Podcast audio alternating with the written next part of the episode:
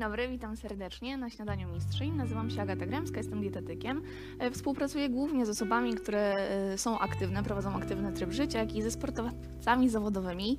Natomiast również mam pacjentów z chorobami metabolicznymi i, i różnymi jednostkami e, współtowarzyszącymi. Także dzisiaj sobie przegadamy kwestię żywienia.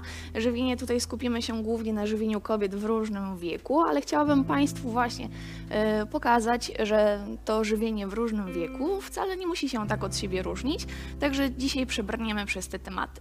E, Państwo też widzą prezentację, którą mam przed sobą, e, także już sobie przejdziemy do kolejnego slajdu i zaczniemy sobie, czy istnieje taka dieta uniwersalna dla wszystkich. Po pierwsze chciałabym tutaj e, zwrócić uwagę, tak jak tu- jak tutaj mamy pogrubione, że dieta, dieta nam się kojarzy z czymś bardzo restrykcyjnym, z czymś no, zazwyczaj negatywnym, e, coś do czego musimy się przyzwyczaić, coś co nas zamyka w jakichś schematach i tutaj chciałabym, żebyśmy się do tego zdys- zdystansowali. Dieta to, to tak naprawdę nie jest e, jakiś jeden schemat odżywiania. Dieta to tak naprawdę każdy z nas ma dietę.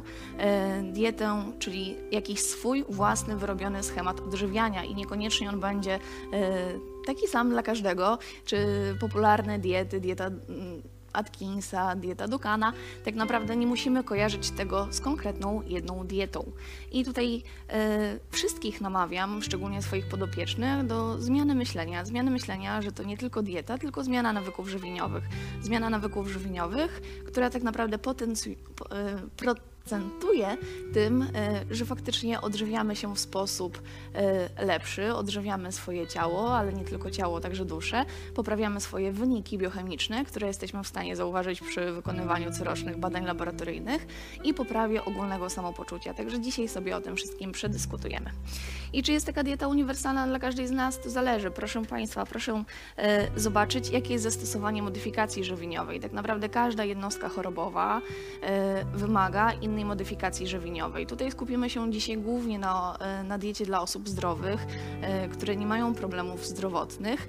E, także mm, proszę zobaczyć, że to żywienie też się różni. Różni się oczywiście u dzieci, różni się u, u kobiet, które będą starały się o potomstwo, różni się u kobiet w okresie okołomenopauzalnym, a dzisiaj przedyskutujemy sobie te wszystkie kwestie, które jesteśmy w stanie wyciągnąć. Najwartościowsze te elementy, które jesteśmy w stanie włączyć na każdym etapie naszego życia. Jaki to jest odpowiedni sposób żywienia dla nas? Proszę zobaczyć, tutaj dookoła są wypisane hasła. E, I tak naprawdę dla nas zacznijmy od tego, żeby obserwować swój organizm, obserwować swoje ciało i sygnały, które wysyła. E, I tak naprawdę jesteśmy w stanie dużo wywnioskować. Na pewno taka dieta powinna być zindywidualizowana. Co to znaczy? Jeżeli prowadzę aktywny tryb życia, jeżeli e, mam to tak naprawdę mam dużo większe zapotrzebowanie e, na, na składniki odżywcze, na, na energię z, pochodzącą z pokarmów. E, Natomiast indywidualizacja to też dostosowanie pokarmów, które mi służą. E, I tak naprawdę, jeżeli mamy grupę pokarmów, które są bardzo zdrowe, jak na przykład awokado, e, jak na przykład surowe warzywa, surowe owoce, to tak naprawdę nie każdemu będzie to służyć. U niektórych będzie to powodowało, problemy żołądkowo-jelitowe i to znaczy, że nawet takie awokado czy jarmuż, który jest bardzo odżywczy, niekoniecznie y, jest wskazany dla danej osoby i to nie będzie odpowiedni pokarm zdrowotny, bo będzie powodował problemy, duży dyskomfort i litowy i problemy zdrowotne. Także ta indywidua- indywidualizacja jest bardzo ważna.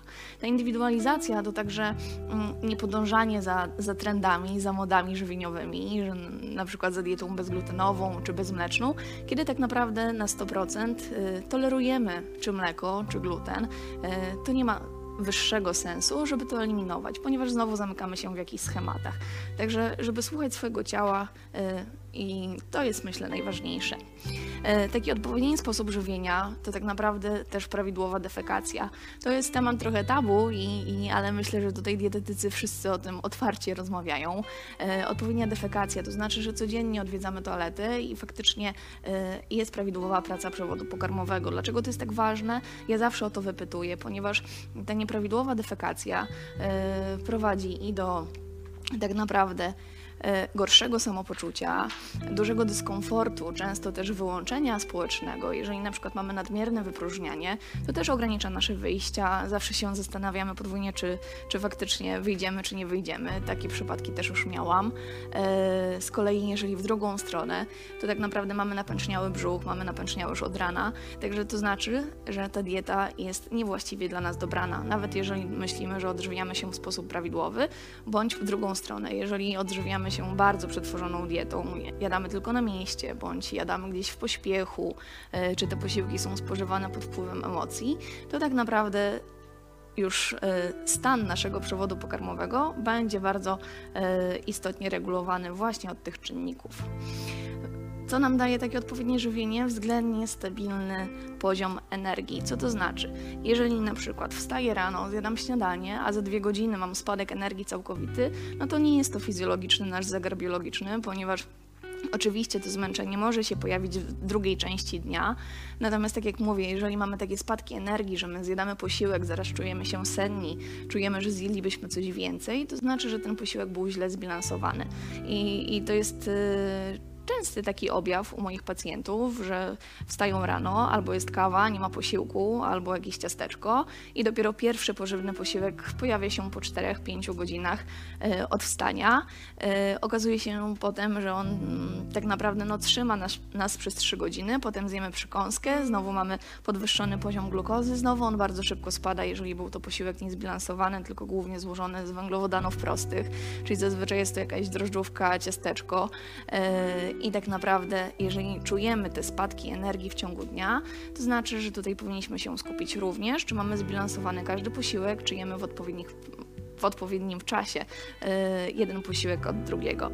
Co nam daje jeszcze takie odpowiednie żywienie? Na pewno sytość. Jeżeli czujemy, że zjadamy posiłek, a po godzinie jesteśmy głodni, to znowu zastanawiamy się, czy to była prawidłowa ilość tego pokarmu, którą przyjęliśmy, czy był prawidłowo zbilansowany. O tym wszystkim jeszcze jak bilansować, to sobie porozmawiamy. Natomiast to są bardzo takie istotne kwestie, czy ten sposób żywienia jest dla nas, dla nas osobiście dobrze dopasowany. Strategia skupiona na osiągnięciu celu to jest też bardzo istotne. Jeżeli naszym celem jest redukcja masy ciała, y, to tak naprawdę staramy się nie dojadać. Jedni będą szli torem, kiedy będą liczyli sobie te kalorie, będą zwracali uwagę na skład, na, na zawartość kalorii w danym produkcie, inni niekoniecznie. Natomiast y, i możemy oczywiście wybrać te dwie drogi, nie zawsze tylko zero-jedynkowo musimy postępować. Natomiast określenie tego celu jest bardzo istotne, bo jeżeli naszym celem jest na przykład poprawa samopoczucia, mamy problem z wypadającymi włosami, mamy jakieś niedobory żywieniowe, to oczywiście ten sposób też żywienia będzie się się różnił. I mimo, że koleżance X jakaś dieta przysłużyła, dieta teraz mówię tak kolokwialnie, jak to się z wszystkim kojarzy, to nie znaczy, że nam też to będzie służyło, tak? Jeżeli mamy inny cel, to jest bardzo ważne możliwość realizacji.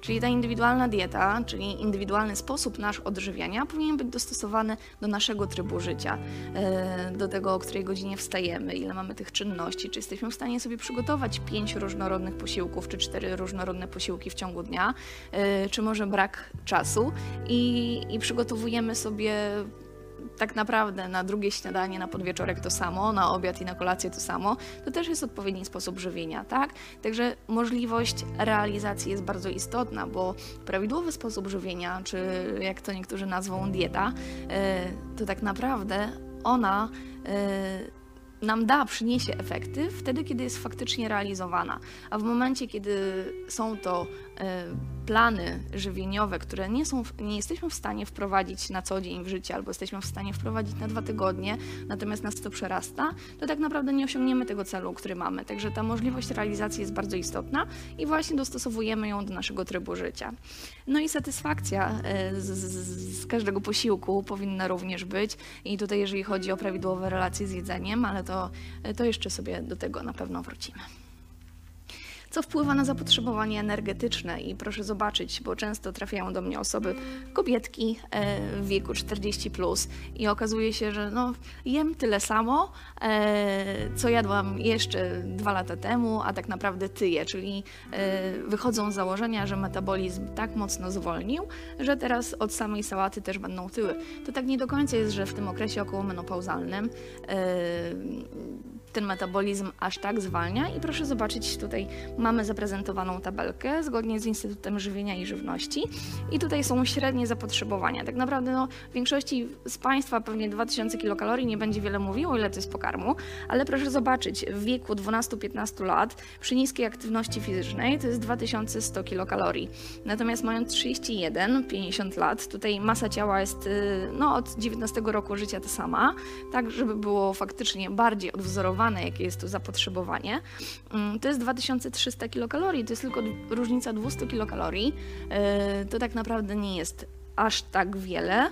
E, to tak naprawdę jest jedna skromna kanapka czy, czy jeden baton w ciągu dnia.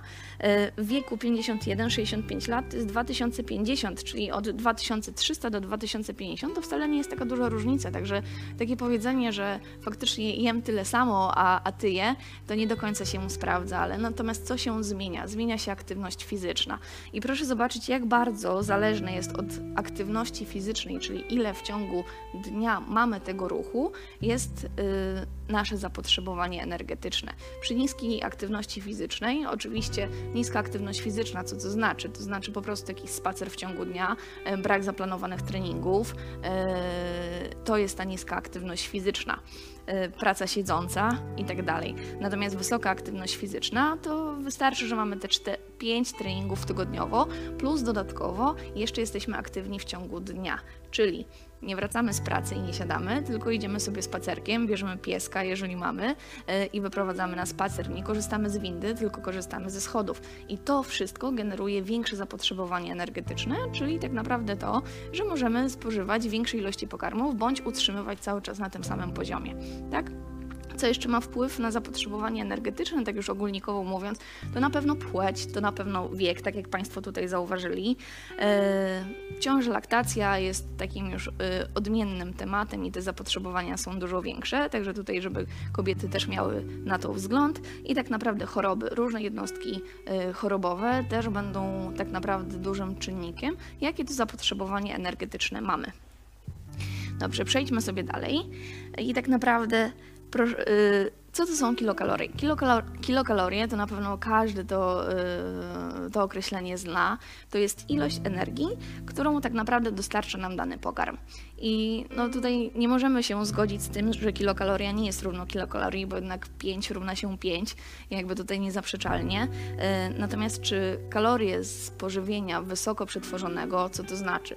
Czyli produktów, które jak sobie odwrócimy i spojrzymy sobie na skład, to tam jest bardzo długa lista składników i to jest właśnie to, e, ta żywność przetworzona. Natomiast jeżeli głównie bazujemy na tych pokarmach, które są nisko przetworzone, czyli na przykład kupujemy surowe warzywa, surowe owoce, kupujemy mięso, które sami sobie zapiekamy, a nie kupujemy wędliny, które ma bardzo długi skład, to jest ta żywność nisko przetworzona. I właśnie ta żywność nisko przetworzona jest dla nas jak najbardziej odżywcza i rekomendowana. Rekomendowana w kwestii prewencji zdrowotnej, jak i leczenia różnych chorób i wspomagania leczenia. E, także tutaj proszę zobaczyć.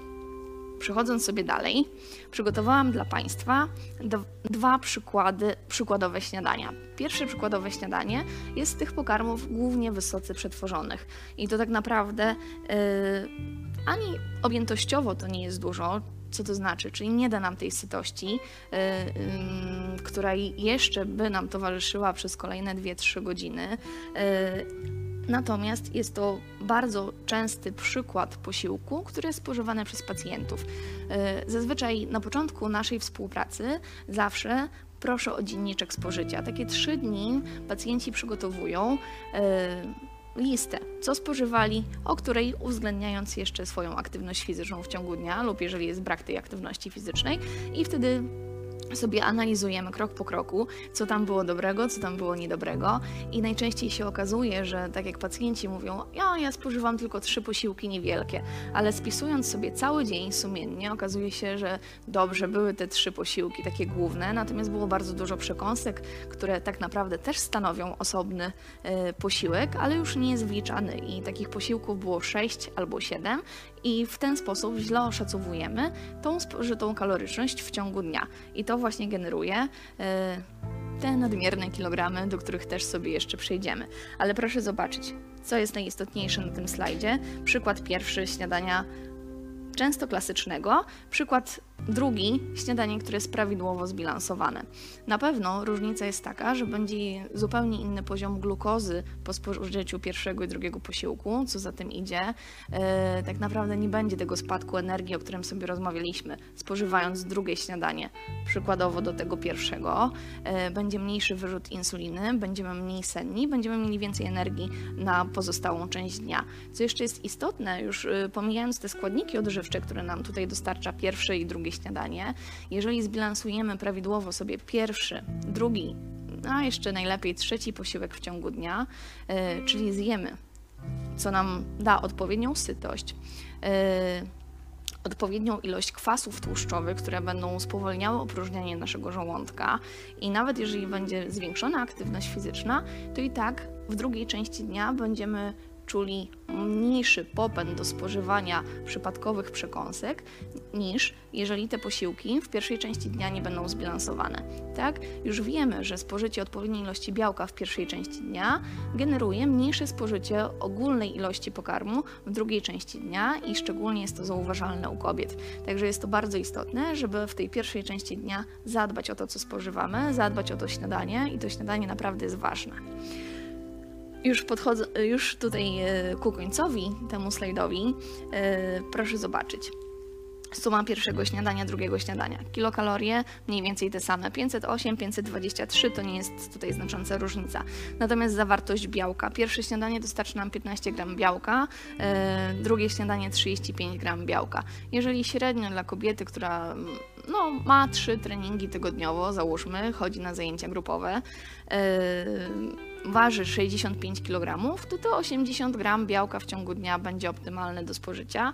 No to tak z tego śniadania i jeszcze z trzech, czterech pozostałych posiłków jesteśmy w stanie wyciągnąć, nawet jeżeli to śniadanie będzie tutaj nie do końca zadbane pod kątem wartości odżywczych. Natomiast proszę zobaczyć, jeżeli przejdziemy sobie do żelaza, do zawartości magnezu, są to kolosalne różnice. Jeżeli w pierwszym śniadaniu zawartość żelaza jest 1,5 mg, a w ciągu dnia mamy zapotrzebowanie 18, nawet do 20 mg w, w okresie tak naprawdę y, naszego cyklu miesiączkowego, y, no to jest to znaczna różnica. Z pięciu posiłków, takich y, nie do końca zbilansowanych albo niedbale spożytych, tak naprawdę nie jesteśmy w stanie yy, zrealizować naszego chociażby tego minimalnego zapotrzebowania. Tak samo z magnezem, z witaminami z grupy B, witamina C, różnica kolosalna, proszę zobaczyć, 4 mg kontra 72. Yy, rekomendacje w Polsce co do spożycia witaminy C są niskie, mamy gdzieś tam 80-100 100 mg, natomiast wiemy, że to zapotrzebowanie jest już dużo, dużo wyższe. Yy, to jest taki minimum, żeby uniknąć chorób dziąsą, tak? Jest to wyliczone. Natomiast e, no, spożywając nawet 5 posiłków, takich, e, no znowu powiem, niechlujnie zbilansowanych, e, nawet 5 razy 4 mg to jest 20 mg. Nawet nie spełniamy tej najniższej normy. Tak? Także już wiemy, że ta żywność wysoce przetworzona nie dostarczy nam odpowiedniej ilości witamin i składników mineralnych, które są niezbędne dla prawidłowego funkcjonowania naszego organizmu, naszego organizmu w każdym wieku. Tak? Jeżeli zaniedbamy E, spożycie żelaza e, już w wieku młodzieńczym, to tak naprawdę możemy e, się spodziewać i niedokrwistości, i anemii, która tak naprawdę ma bardzo duże konsekwencje w wieku późniejszym. Dla sportowców, czyli dla tutaj osób bardzo aktywnych, szczególnie dziewcząt, które są narażone na, na wysokie niedobory żelaza w związku z okresem dojrzewania i też z miesiączkowaniem, to tak naprawdę już Y, wydolność fizyczna i, i, zdolność do takiej adaptacji wysiłku fizycznego jest bardzo obniżona. Także jest tutaj bardzo ważne, aby y, świadomie bilansować te posiłki y, i jedząc spożywając te produkty nieprzetworzone i tak naprawdę różnorodne, jesteśmy w stanie zminimalizować maksymalnie to ryzyko niedoborów żywieniowych. Mam dla Państwa przygotowaną tutaj e, piramidę żywienia. Myślę, że większość z Państwa ją tutaj już kojarzy i zna, na pewno gdzieś e, była widoczna.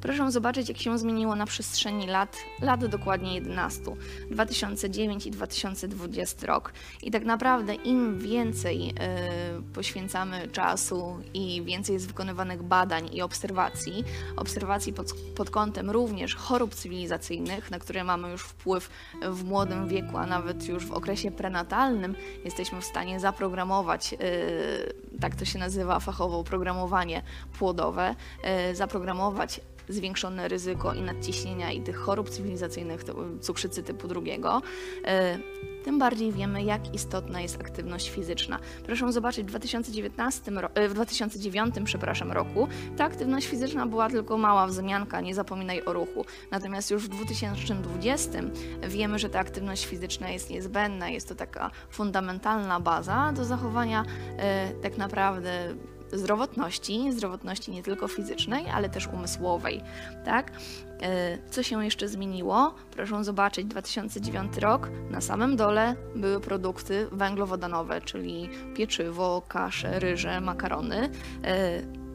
Obecnie już wiemy, że dostarczanie odpowiedniej ilości warzyw i owoców, najlepiej w formie surowej, oczywiście, jeżeli przewód pokarmowy toleruje, e, jeżeli nie, to w formie już przetworzonej, przetworzonej, czyli na przykład podgotowanej, dobrze obranej, podduszonej, przetartej, mm, daje nam tą możliwość właśnie przesunięcia tych wszystkich chorób cywilizacyjnych w czasie tak? Czyli o to walczymy, żeby nie mieć cukrzycy typu drugiego w wieku 50 lat, tylko no, jeżeli jesteśmy już predysponowani genetycznie, to żeby te geny się odpaliły na przykład w wieku 65-70 lat, jeżeli e, już jesteśmy na to spisani. Natomiast to tak nie do końca też e, faktycznie jest. Jesteśmy w stanie prewencyjnie bardzo dużo zdziałać, tak?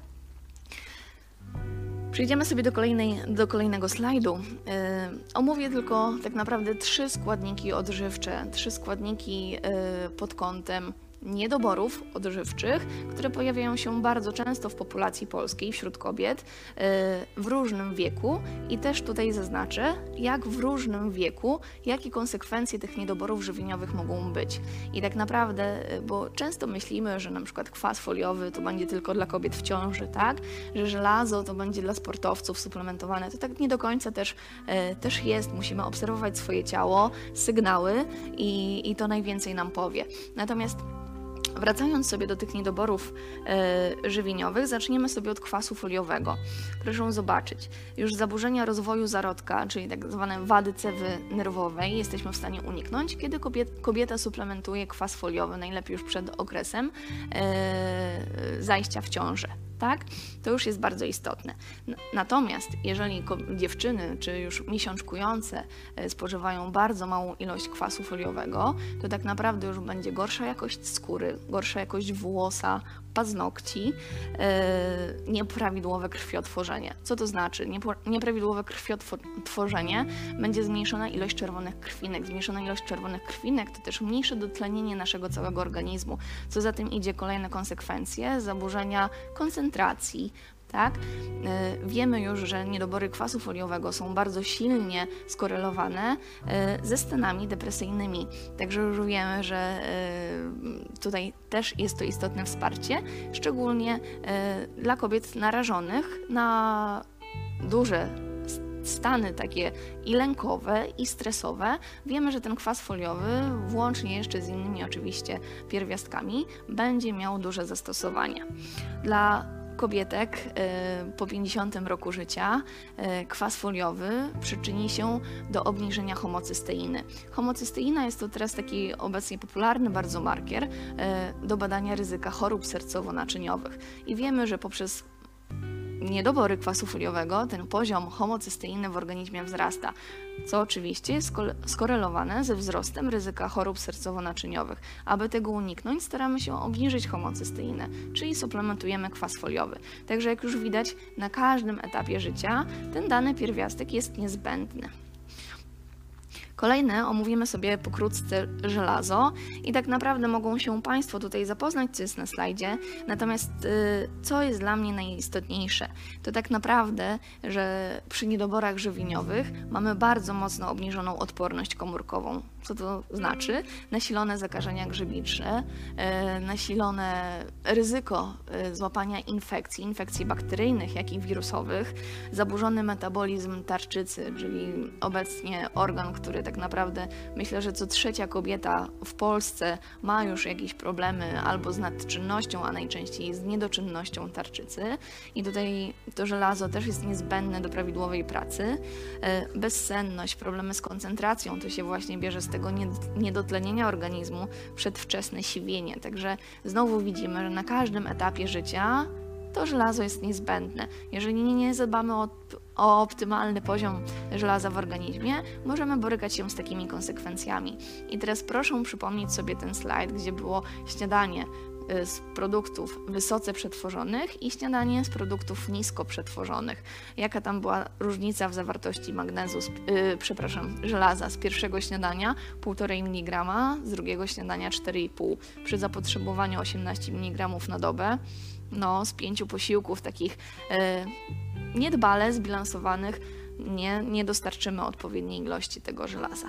Tak? Tutaj mają Państwo jeszcze wypisane gdzie znajdziemy, e, w jakich produktach to żelazo, w najlepiej przyswajalnej formie oczywiście jest w mięsie, ale już wiemy, że dobrze bilansując sobie dietę bezmięsną czy z ograniczoną ilością mięsa, też jesteśmy w stanie dostarczyć odpowiednią ilość żelaza.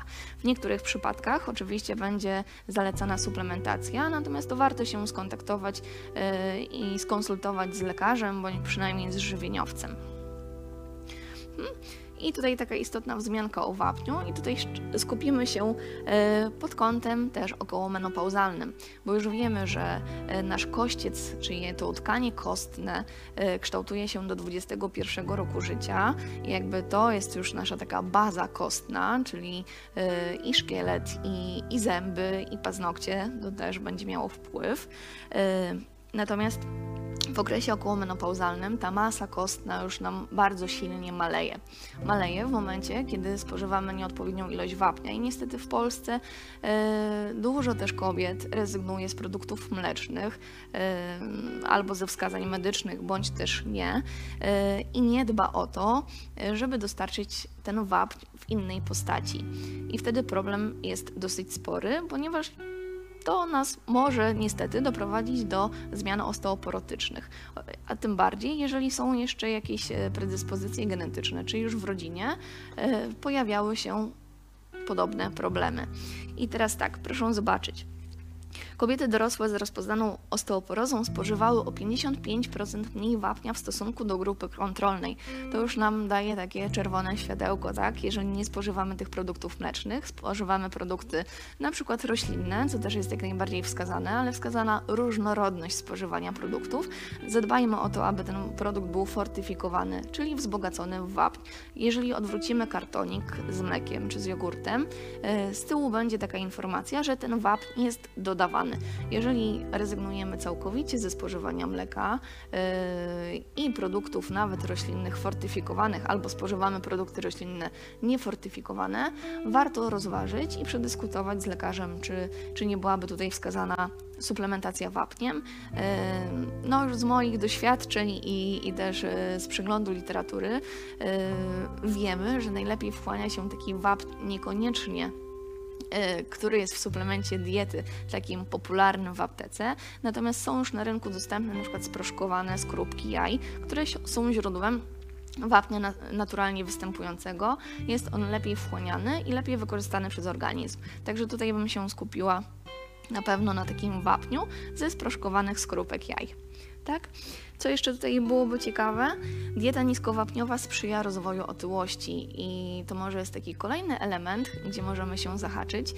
Dlaczego w okresie okołomenopauzalnym, mimo że e, ta ilość kalorii spożywanych teoretycznie się nie różni, e, troszkę aktywność fizyczna spada, e, No ale ta tutaj jest nadmierna masa ciała, cały czas przybiera, właśnie może też ze względu na te silne niedobory wapnia.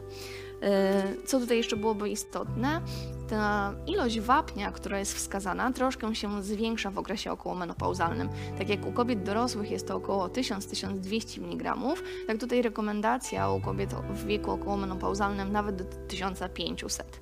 Tak? Także warto o to zadbać. Tutaj mają Państwo jeszcze źródła wapnia w diecie, gdzie naturalnie to występuje poza produktami mlecznymi, także można się zapoznać.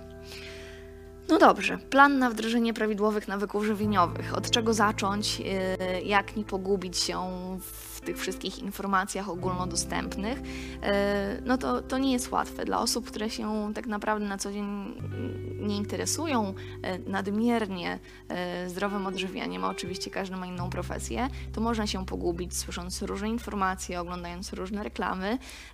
Natomiast co ja zawsze zalecam? E, zapoznać się z makroskładnikami. Co to znaczy? Czyli żebyśmy wiedzieli tak naprawdę e, nie do końca, że żelazo to tyle i tyle miligram w takim i takim produkcie, tak, i tak dalej, ale żebyśmy mieli ogólny pogląd, a najważniejsze na składniki odżywcze, czyli gdzie znajdziemy źródło białka, gdzie znajdziemy źródło węglowodanów i źródło tłuszczów tłuszczy. To są takie trzy podstawowe e, grupy. Jeżeli będziemy mieli tą informację, to jesteśmy w stanie sobie zbilansować tak orientacyjnie większość posiłków w ciągu dnia. Jeżeli spożywamy cztery posiłki w ciągu dnia, e, to przynajmniej trzy powinny być prawidłowo zbilansowane pod ilością białka, e, pod względem ilości zawartości białka, tłuszczu i węglowodanów.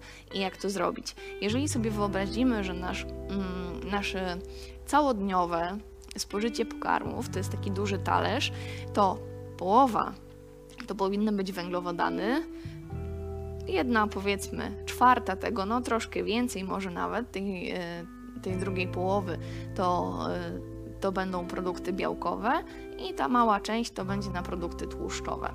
Czyli jeżeli jeszcze sobie przejdziemy do prawidłowo zbilansowanego śniadania i może na tamtym przykładzie wtedy Państwu opowiem, e, jak faktycznie zbilansować taki posiłek. Natomiast te informacje, gdzie znajdziemy źródło białka, tłuszczu e, i węglowodanów jest niezbędna, tak? Także tutaj zachęcam, żeby się z tym zapoznać.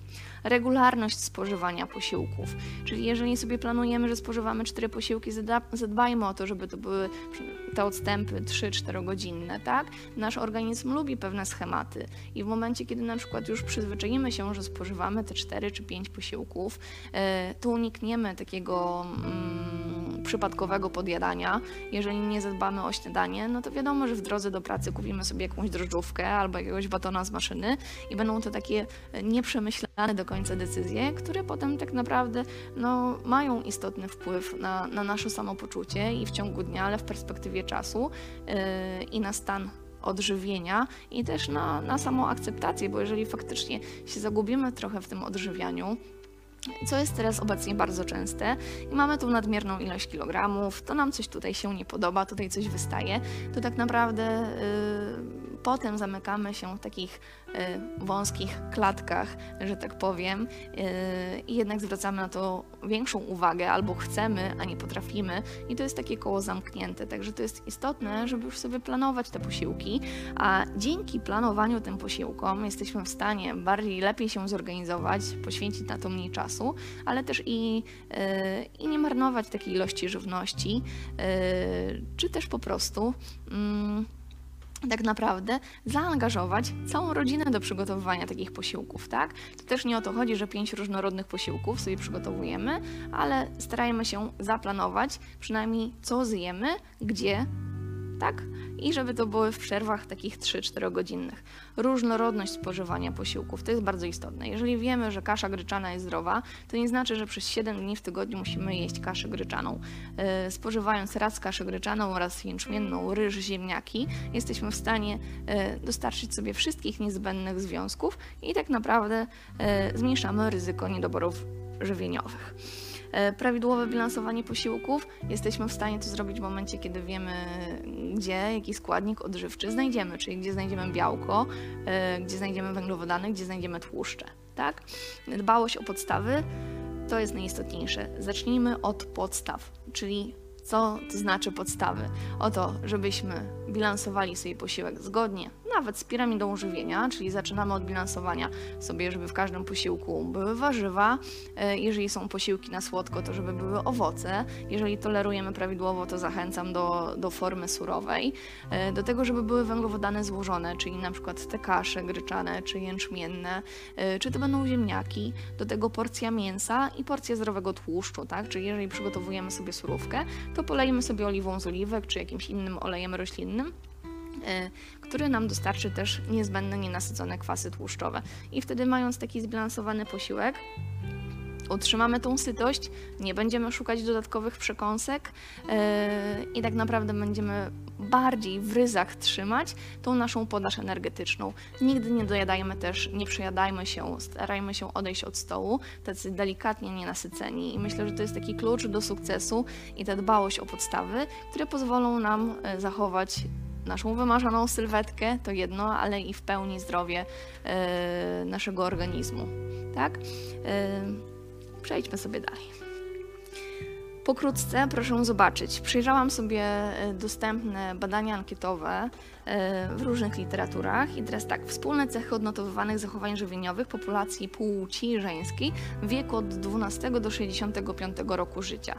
E, tak naprawdę one były troszkę rozbieżne, ale wyciągnęłam te takie wspólne czynniki, które niestety przybliżają nas do rozwoju chorób cywilizacyjnych, do zwiększonych stanów zapalnych w organizmie i do pogorszenia naszego stanu nie tylko fizycznego, ale też naszej kondycji umysłowej.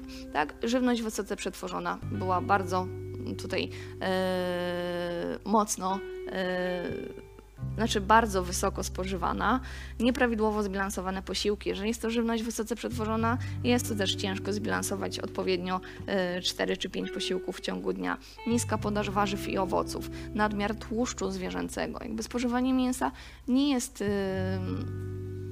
jakby chorobotwórcze, tak? Natomiast e, spróbujmy eliminować mięso przetworzone, czyli takie gotowe wędliny, gotowe parówki, gotowe kabanosy, e, gdzie ta ilość konserwantów, tego, e, tych azotanów jest bardzo duża i to jest szkodliwe. Natomiast jeżeli kupimy sobie kawał mięsa i przygotujemy sobie w domu e, i nawet z tego przygotujemy sobie wędlinę do, do pokrojenia czy do wrzucenia sobie do sałatki, to tak naprawdę to będzie ta odpowiednia droga tak? Niska podaż zbóż pełnoziarnistych, czyli wysoce przetworzonych, czyli białe mąki, głównie jest to pszenne pieczywo, yy, biały ryż bardzo oczyszczony. Yy, to niestety generuje, że zjadamy tego więcej, że jesteśmy znowu mniej nasyceni yy, i jest to mniej odżywcze, bo zawsze bardziej przetworzone, czyli na przykład mąka bardziej oczyszczona, yy, taka chlebowa, pszenna, będzie zawierała mniej witamin z grupy B, będzie mniej zawierała żelaza, magnezu, cynku, tak, niż na przykład mąka pełnoziarnista. Także starajmy się dokonywać świadomych wyborów żywieniowych. Yy, no i z kolejnym zachowaniem pojadanie przekąsek wysokokalorycznych. Tak? Jeżeli nie zaplanujemy sobie tego prawidłowego odżywiania, to jest to nieuchronne, że będziemy sięgać po jakieś przekąski, e, bo po prostu jesteśmy głodni. Tak? Dobrze. Mamy zbilansowane nieprawidłowe śniadanie i prawidłowe śniadanie. Już tak pokrótce proszę, proszę zobaczyć. Chleb pszenny z masłem, serem i ketchupem. Na przykład, czy to chociaż będzie plaster sera, e, do tego herbata z cukrem. E, czy jest to prawidłowe śniadanie? No, nie do końca. Niestety bardzo często e, w dzienniczkach żywieniowych swoich pacjentów to widzę. E, tutaj odpowiednik, gdyby był chleb żytni na zakwasie, czy nawet na drożdżach, pastą, na przykład warzywną. Może być z fasoli, czy to może być nawet pasta jajeczna, tak? czy, czy pasta rybna. Sałata, y, tutaj przykładem jest wędlina bez konserwantów, czyli na przykład taka przygotowana w domu, bądź już producenci wychodzą naprzeciw oczekiwaniom y, i też są już dostępne wędliny, które składają się 100% z mięsa. Pomidor, rzodkiewka, szczypiorek, herbata bez cukru, tak? No, ja tutaj namawiam do spożywania na pewno dużej ilości warzyw i to mogą być warzywa, które po prostu lubimy, nie musimy się zmuszać do jarmużu, jeżeli go bardzo nie lubimy. Możemy zamienić na rukolę czy roszponkę. tak żeby była ta porcja warzyw. Proszę porównać. Po prawej stronie mamy te warzywa, mamy pieczywo pełnoziarniste, chleb żytni, yy, mamy też białko roślinne i białko zwierzęce. Białko roślinne pasta z fasoli, białko zwierzęce wędlina bez konserwantów, herbata bez cukru, czyli nie dostarczamy yy, zbędnego cukru. Yy, tak naprawdę dwa tygodnie picia herbaty bez cukru, jeżeli dotychczas była, była pita z cukrem i już docenimy ten smak herbaty, tak? A nie tego słodkiego smaku. Także to jest prawidłowo zbilansowane śniadanie. Po lewej stronie chleb pszenny, czyli mamy zboża, które są tutaj wysoce przetworzone i oczyszczone, czyli pozbawione tych wartości odżywczych, ser z herbata z cukrem, no brak warzyw, tak? Dobrze. E, drugi przykład, płatki owsiane na wodzie, płatki owsiane z jogurtem. Proszę sobie zobaczyć. No, po lewej stronie mamy 100% węglowodanów. Po prawej stronie już tutaj zbilansowaliśmy i dodatkiem orzechów, czyli zdrowych tłuszczy, yy, i dodatkiem yy, świeżych owoców, czyli większa ilość błonnika i jogurt, czyli źródło białka. Czy dieta ma na celu tylko odchudzanie? Yy, no niekoniecznie. Mam nadzieję, że Państwo już tutaj nie będą utożsamiać diety tylko z kwestią redukcji masy ciała, ale ogólno dobrostanem naszego organizmu, tak? Jeżeli zadbamy o to, o odpowiednie odżywienie, zadbamy o naszą pracę jelit, yy, będziemy dostarczać odpowiednią ilość kalorii, będziemy dostarczyć kwasy tłuszczowe nasycone, y, nie, nas, nie nasycone w odpowiedniej ilości i nienasycone, to tak naprawdę będziemy też wpływać na nasze samopoczucie. Y, już wiemy, że 80% informacji jest wysyłane z jelit do mózgu, tylko 20% informacji wraca powrotnie, także to, co się dzieje w jelitach, jest nieodzowne do tego, jakie jakie samopoczucie mamy. Tak, tutaj mogą Państwo sobie jeszcze rzucić okiem na, e, na prawidłową i nieprawidłową redukcję i tutaj na pewno yy, no nie zgodziłabym się, że diety 800-1200 kilokalorii to jest odpowiedni sposób na redukcję masy ciała. To na pewno Państwo wiedzą, to jest krótkotrwała zmiana, jest efekt jojo i działanie destruktywne na nasz organizm. Możemy to tak naprawdę uzyskać ten sam efekt, dając sobie troszkę więcej czasu, bo to jest niestety proces, tak samo jak proces nadmiernej masy ciała. Yy, to też jest długotrwały, tak samo no nie zrzucimy tego w tydzień, w dwa czy nawet w miesiąc, tak? Opracowujemy sobie realny cel, co daje nam też poprawę samopoczucia. Idąc sobie dalej, przepis na zachowanie zdrowia. E, tutaj mogą się Państwo z tym zapoznać. To jest podsumowanie tego, co, co cały czas mówiłam, e, czyli odpowiednia ilość kalorii, unikanie cukru, unikanie przetworzonego mięsa, wzbogacanie diety w ciemne owoce, szczególnie jagodowe, mają wysoki potencjał antyoksydacyjny, czyli łagodzą wszystkie stany zapalne. Stany zapalne pojawiają się w każdym okresie naszego życia. Wspomaganie posiłków, e, wzbogacanie posiłków koktajli w zielonolistne warzywa i wzbogacanie diety w zdrowe tłuszcze. Co bym mogła jeszcze tutaj dodać w najbliższą minutkę, to suplementacja kobieca. E, proszę zobaczyć, suplementacja, którą polecam wszystkim, witamina D3 to jest niezbędne. E, poza tutaj przypadkiem, kiedy borykamy się z sarkoidozą, jest to przeciwwskazanie do suplementacji D3, tutaj decyduje lekarz.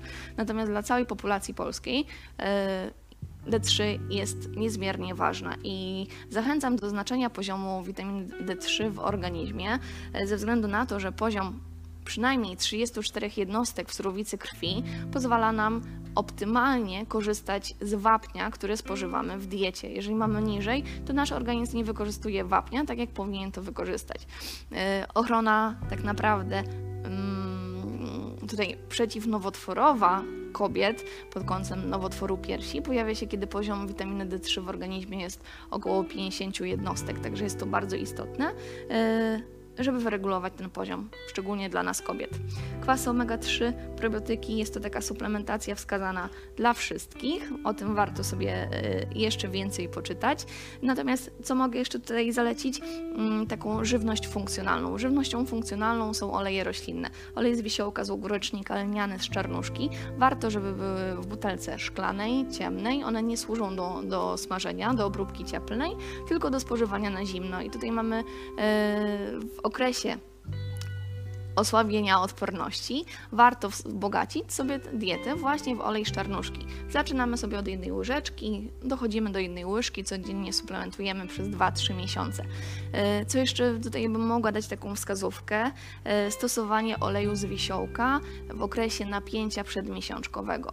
Bardzo ła- ładnie łagodzi te, y, te stany i te zaburzenia takie hormonalne w momencie, kiedy suplementujemy przez 2-3 miesiące, tak?